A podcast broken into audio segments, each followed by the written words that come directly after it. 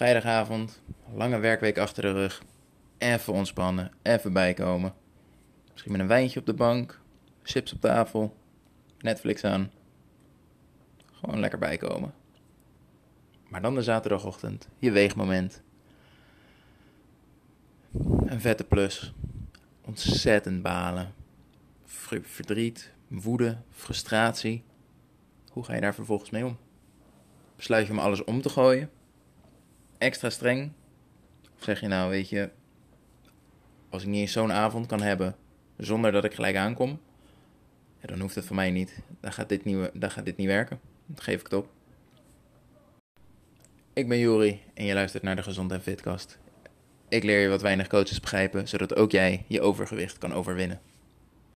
De situatie die ik zojuist geschetst heb, is helaas voor veel mensen veel te herkenbaar. En het heeft een heel eenvoudig, het is een heel eenvoudig probleem en een hele eenvoudige oplossing. Maar eenvoudig staat niet gelijk aan makkelijk. En dat weet je maar al te goed. Want stel, ik vraag jou, hoe ziet jouw ideale leefstijl eruit? Waarop jij een gezond gewicht hebt, doet waar je gelukkig van wordt en waar je je fantastisch bij voelt. Denk er maar heel even 10 seconden over na. Zet de podcast even op pauze, desnoods. En dan een logische vraag. Stel hè, in die ideale leefstijl. De realiteit is je gewicht blijft schommelen. Je bent een mens, dat hoort erbij. Het is voornamelijk vocht, dat weet je. Hoe ga jij in die ideale leefstijl om met een schommeling in je gewicht? Waarschijnlijk, hopelijk, ga je er niet mee om door te zeggen: Oké, je hebt het helemaal verpest. Waar ben je mee bezig? Idioot dat je er bent. Vandaag eet je helemaal niks. Dan compenseer je dat weer even. En dan is het weer oké. Daarna ga je weer gezond doen. En toch, toch is dat wat iedere keer weer wordt gedaan. Er gebeurt iets, de weegschaal valt tegen. En we gaan het compenseren. We sturen het plan bij. Er moet nu iets veranderen, zodat het weer goed komt. de reden daarvan is heel simpel. Je zit op dat moment namelijk volledig in je hoofd, volledig in je emoties. En het probleem daarvan is dat we op basis van emoties beslissingen maken op korte termijn. En je weet als geen ander dat voor jou om een gezond gewicht te bereiken, om die ideale leefstijl te behalen, dat is een lange termijn plan. Dat is niet 10 weken, 20 weken, dat is misschien een jaar, misschien wel twee jaar. En dat is oké. Maar dat betekent dus dat je geen korte termijn beslissingen kan maken. Het is niet logisch om te zeggen: dit is mijn plan voor over twee jaar. Hoe ga ik dat bereiken? Ja, door iedere week gewoon te doen waar ik op dat moment zin in heb. Als ik verdrietig ben, dan ga ik gewoon lekker veel eten. Voel ik me goed, dan ga ik lekker weinig eten, want dan val ik beter af. Want ik voel me goed, dan kan ik hebben. En, uh, en op die manier voel ik dat gewoon een beetje aan. Dat is waarschijnlijk hoe je het al jaren hebt gedaan. En dat is hoe je overgewicht is ontstaan. Dat is niet hoe je overgewicht gaat overwinnen. En dat betekent niet dat je niet mag balen als de weegschaal weer omhoog schommelt, om welke reden dan ook. Misschien door je eigen keuzes, misschien is er geen reden voor. Je mag balen, absoluut. Het verschil alleen tussen de mensen die slagen en de mensen die dat niet doen, de mensen die slagen handelen er niet naar. Die voelen het, die balen en daarna gaan ze door. Ze hebben een plan, dat plan hebben ze gemaakt en vervolgens gezegd: hier geloof ik in, dit gaat mij helpen. En uh, als er aanpassingen nodig zijn, dan heb ik daar evaluatiemomenten voor. Eén keer in de week, misschien één keer in de maand. Kijk ik gewoon hoe is de afgelopen week gegaan, hoe is het de afgelopen maand gegaan. Wat moet anders, wat kan beter. En op die manier stuur je je plan bij. Degenen die niet slagen, degenen die al jarenlang aan het jojoen zijn, iedere keer dat het tegenvalt, emoties zitten hoog. En ze maken weer een drastische aanpassing. Overdag uithongeren, s'avonds een eetbui. Crash nummer 29. Iedere keer weer zo'n drastische verandering waarvan ze donders goed zouden weten. Op lange termijn gaat dit me niet helpen. Dit past niet in die leefstijl die ik eigenlijk zou willen. Maar ik heb nu iets nodig om met deze emoties om te gaan. Ik moet nu afleiding hebben, verdoving hebben. Of iets doen waarmee ik het voor mezelf goed kan praten wat ik nu voel. Misschien een heel makkelijk, concreter voorbeeld voor je is: uh, Ik was vanochtend aan het wandelen. Nee, stapje terug.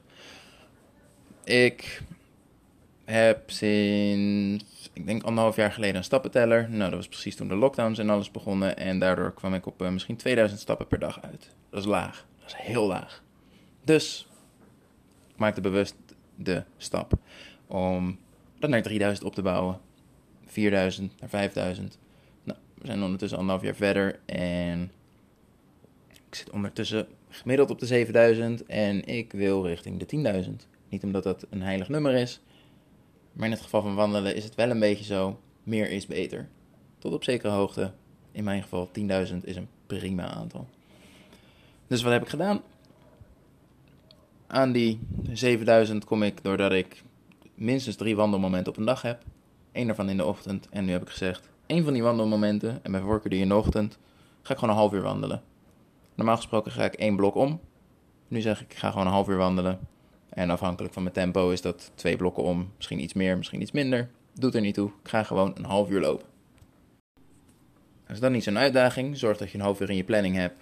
Trek je schoenen aan en ga naar buiten. Maar hier in de Filipijnen kan het nogal warm zijn. En die ochtendwandeling is, uh, gezien de tijd waarop wij leven, is om 11 uur s ochtends. Gevoelstemperatuur was vanochtend 35 graden. Het was bloed en bloed heet. Het zweet liep gewoon over mijn gezicht terwijl ik aan het wandelen was. En mijn uithoudingsvermogen, mijn conditie is echt niet zo slecht dat ik loop te zweten van wandelen. Wel van 35 graden.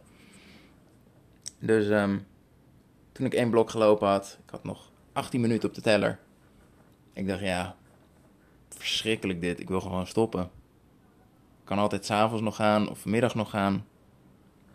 Op basis van emoties was er niets liever dat ik deed op dat moment dan stoppen. Dus ik ging door. Met één hele simpele reden. Mijn plan was om meer stappen te krijgen, heb ik minstens één wandelmoment van een half uur. Mijn plan die ochtend was: deze ochtendwandeling wordt een half uur. Dat is lange termijn denken, dat is rationeel denken. En toen ik eenmaal bezig was, schoot ik in de emoties. Het is warm, ik heb geen zin, frustratie. Ga ik daaraan toegeven? Zie het als een gewoonte. Hè? Wat je herhaalt, komt steeds vaker voor. Waar je aandacht aan geeft, wordt steeds groter. Ga ik van mezelf toestaan dat ik handel op emoties?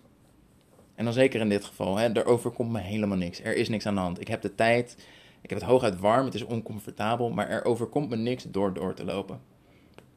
Ga ik daaraan toegeven? En daarmee dus zeggen, joh, als het morgen weer warm is, is het oké als je gewoon weer niet gaat. Dat is prima. Of, dat is de keuze waar ik voor ben gegaan, maak ik gewoon mijn rondje af. En als ik eind deze week mijn plan evalueer, dan, wanneer ik dus niet in de emoties zit, kan ik zeggen: hé, hey, misschien is het wat handiger als ik mijn laatste rondje van de dag, rond een uur of zeven, dat ik daar een half uur doe. Dan is het wat minder warm. Hoeft dat me nooit tegen te houden om, uh, uh, nou ja, om dus in de emoties te schieten en niet te willen. Kan. Kan je nu al vertellen, ga ik niet doen. Want uh, aan het eind van de dag heb ik niet zoveel zin om te lopen. Dan vind ik het wel lekker als ik gewoon even een rondje kan gaan. En daarna is het klaar. En het fijne hieraan is, dit kan je gewoon leren. Het is enkel een kwestie van herhalen. Wat sta je van jezelf toe? Dat zodra de weegschaal omhoog schiet, dat je baalt en je hele plan omgooit. Of zeg je nee. In ieder geval de komende twee weken is dit mijn plan. Dat heb ik afgesproken. En daar ga ik niks aan veranderen. Is er een verandering nodig, dan gebeurt dat over twee weken als ik gewoon relaxed ben. En niet op het moment dat de weegschaal omhoog schiet.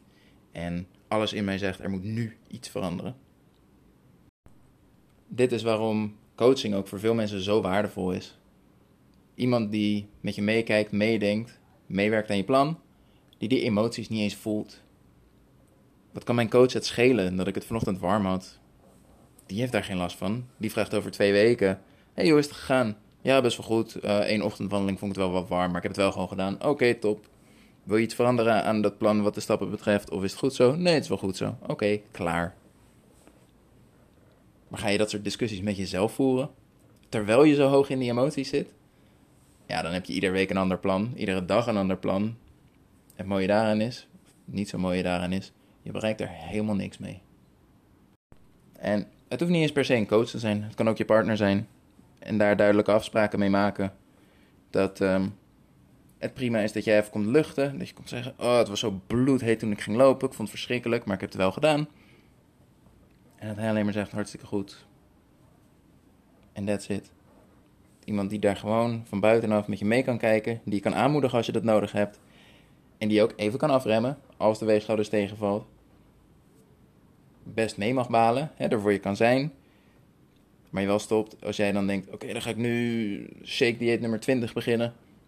Iemand die even afremt, hou even diep adem. Laten we even een stukje lopen. Is dit wat je echt wil? Waarop jij maar één antwoord kan geven. Nee, natuurlijk niet. Ik bouw gewoon ontzettend en ik wou dat het sneller lukte. Dat het wel lukte. En als je daar onzeker van wordt, dat je echt geen idee hebt wat je nou moet doen, blijf daar niet mee lopen. Schakel hulp in.